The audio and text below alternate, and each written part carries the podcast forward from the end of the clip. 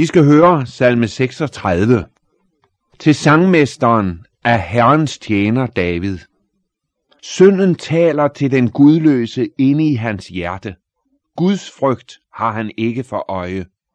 Til den smiger ham frægt og siger, at ingen skal finde hans brøde og hade ham. Hans munds ord er uret og svig. Han har ophørt at handle klogt og godt. På sit leje udtænker han uret. Han træder en vej, som ikke er god. Det onde afskyr han ikke. Herre, din miskundhed rækker til himlen. Din trofasthed når til skyerne. Din retfærd er som Guds bjerge. Dine domme som det store dyb. Herre, du frelser folk og fæ. Hvor dyrebar er dog din miskundhed, Gud. Og menneskebørnene skjuler sig i dine vingers skygge.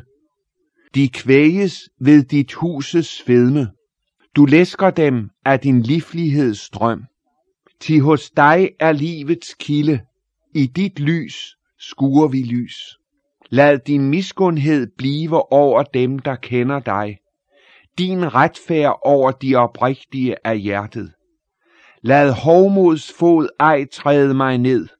Gudløses hånd ej jage mig bort.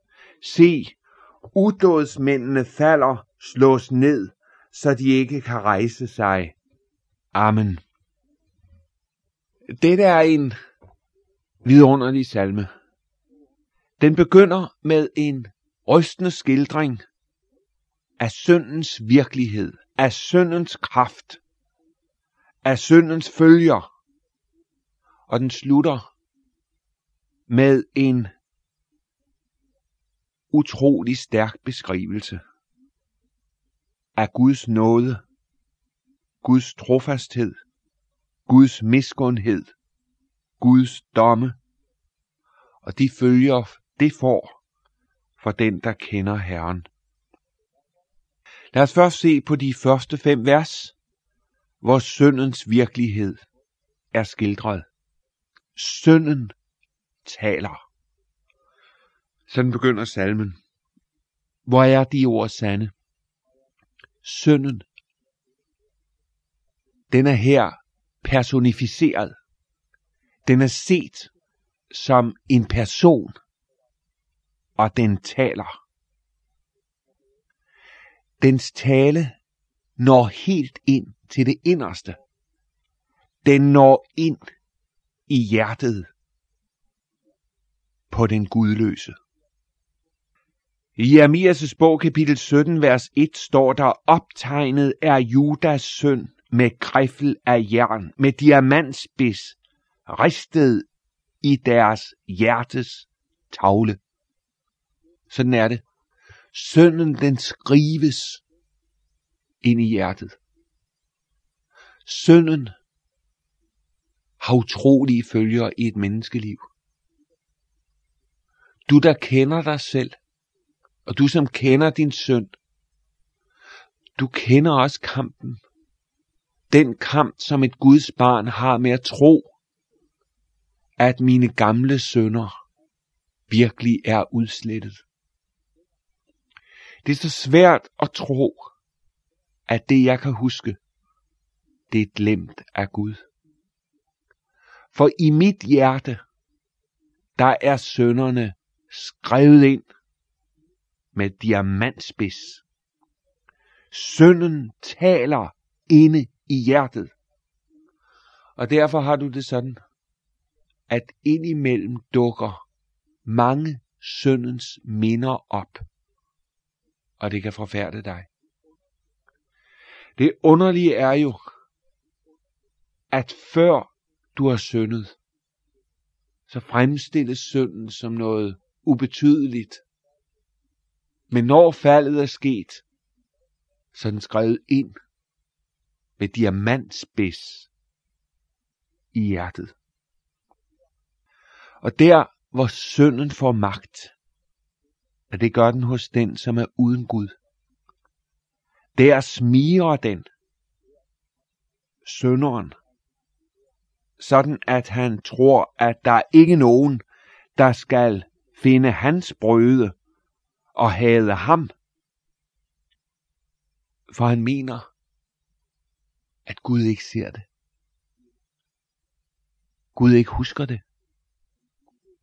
Den gudløse, han fortsætter derfor i sin synd. Hans mund er uret og svig.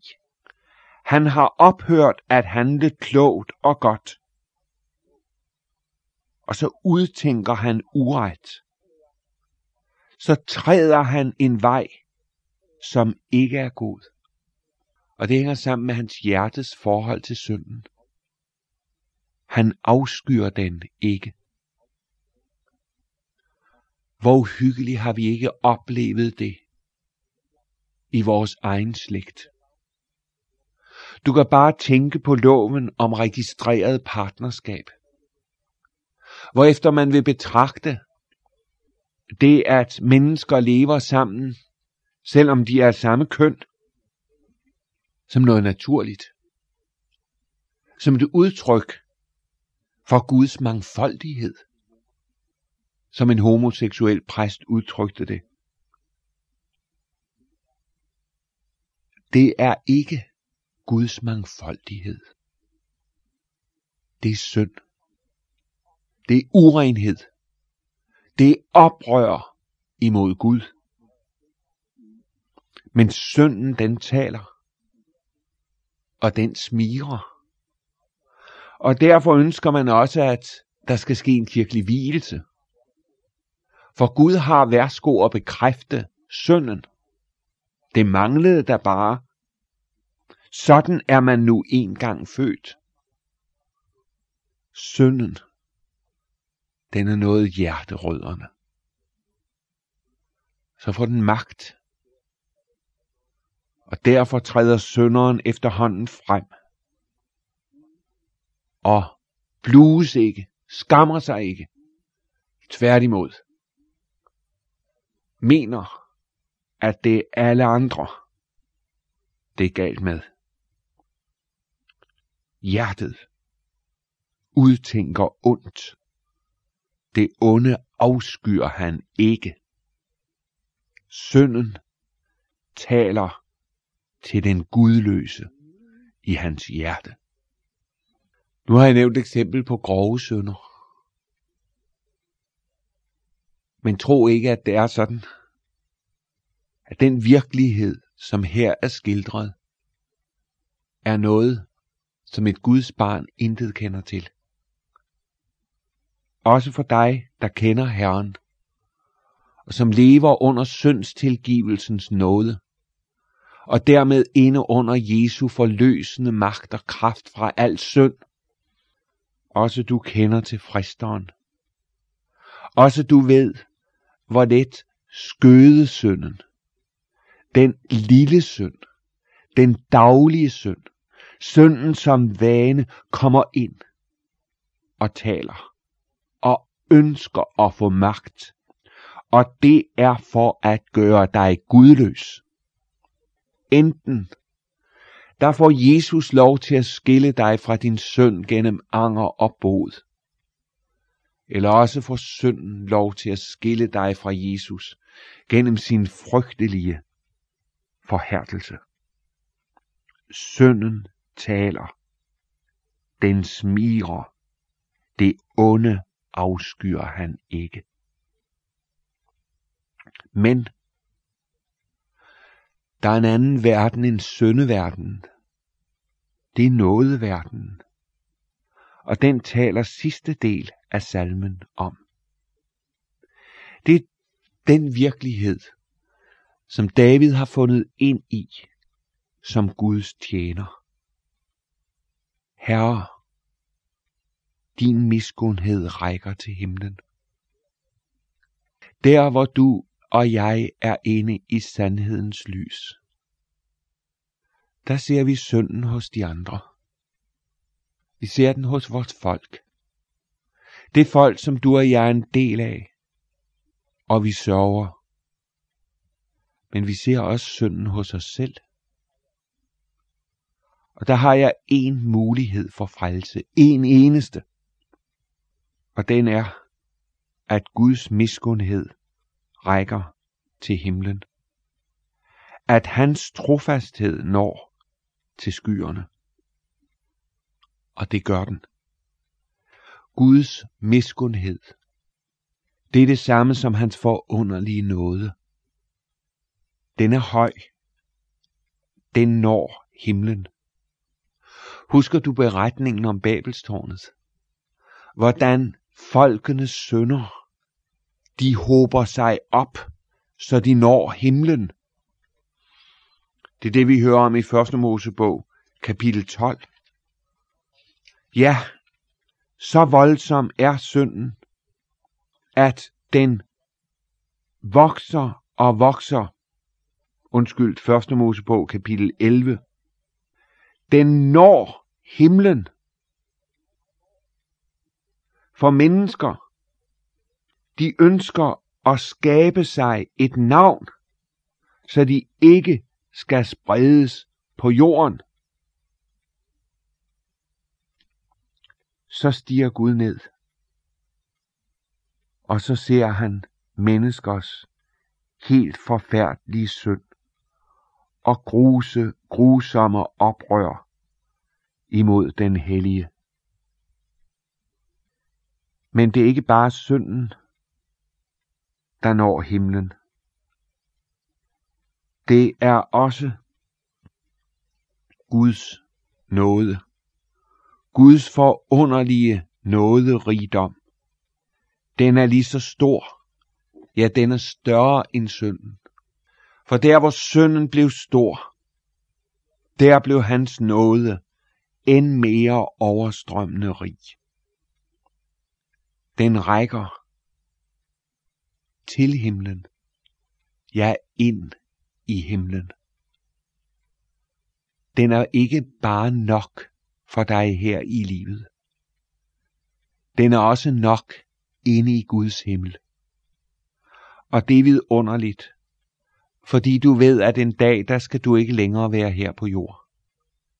Der skal Herren føre dig op, føre dig frem, ind i evigheden.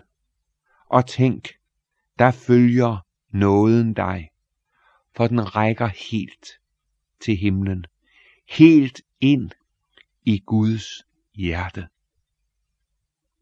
Og du, som spørger, kan Gud da blive ved? Du kender dig selv, og du kender til kampen mod synden, og du ved, hvordan det gamle kan dukke op igen og igen. Og du spørger, kan Guds trofasthed blive ved? Hører den ikke op? Har den ikke en ende? Du skal vide, den når til skyerne. Den når himlen selv. Det er et billedligt udtryk, det er, at den når til skyerne. For det betyder, at den når helt, helt op. Det står jo parallelt med det første udtryk, at Herrens miskundhed rækker til himlen. Hans trofasthed, den er ikke mindre end hans miskundhed. Og så skal du vide, at Guds retfærd har det ikke som din. Den er som Guds bjerge. Er det ikke forunderligt, at Guds retfærd knyttes til bjergene? Ikke bare til Sinai bjerg. Der står bjerge i flertal. Der er nemlig også et andet bjerg, en lovens bjerg. Det er den nye pagtsbjerg. Det er Golgatas bjerg. Guds retfærd er, sådan som du oplever det, både på Sinai og på Golgata. Og bjergene, de er urokkelige. Guds pagt, den står evigt fast. Men der skal du vide, at på Golgata, der blev gælden og skylden betalt og offret bragt. Sinai og Golgata er ikke to bjerge, som har den samme gyldighed for den, der tror på Jesus. Der ville der jo ske det, at du blev frikendt på Golgata, men dømt på Sinai. Du, der kender Jesus, du er løst fra Sinai bjerg. Du er fri fra loven. Du skal aldrig dømmes efter lovens pagt. Du skal kun dømmes efter nådepagten. Den er evig. Den er urokkelig. Men du som ikke kender Gud, som han er i Jesus, og du som ikke er frelst ved hans blod, som rent for dig på korsets træ på Golgata. Du skal dømmes efter Sinai-pakten, lovens pagt, og den alene. Enten der skal du møde lovens Gud, eller også skal du møde nådens Gud. Guds domme er som det store dyb. Hans domme er forunderlige. Hans domme er evige domme. Ufattelige i deres dyb. Guds vej og Guds råd til frelse kan du ikke udgrunde. Men du kan undres, og du kan tilbede, og du kan ophøje, og du kan ære, og du kan tjene din frelser. Hans miskundhed, vers 8, den er ikke alene stor, så den rækker til himlen, vers 6, men den er også dyrebar. Den er det kosteligste af alt. Den er forunderlig. Ved du, hvor stor den er? Den er så stor og forunderlig, at du kan skjule dig i Guds vingers skygge. Er det ikke et vidunderligt udtryk, slutningen af vers 8?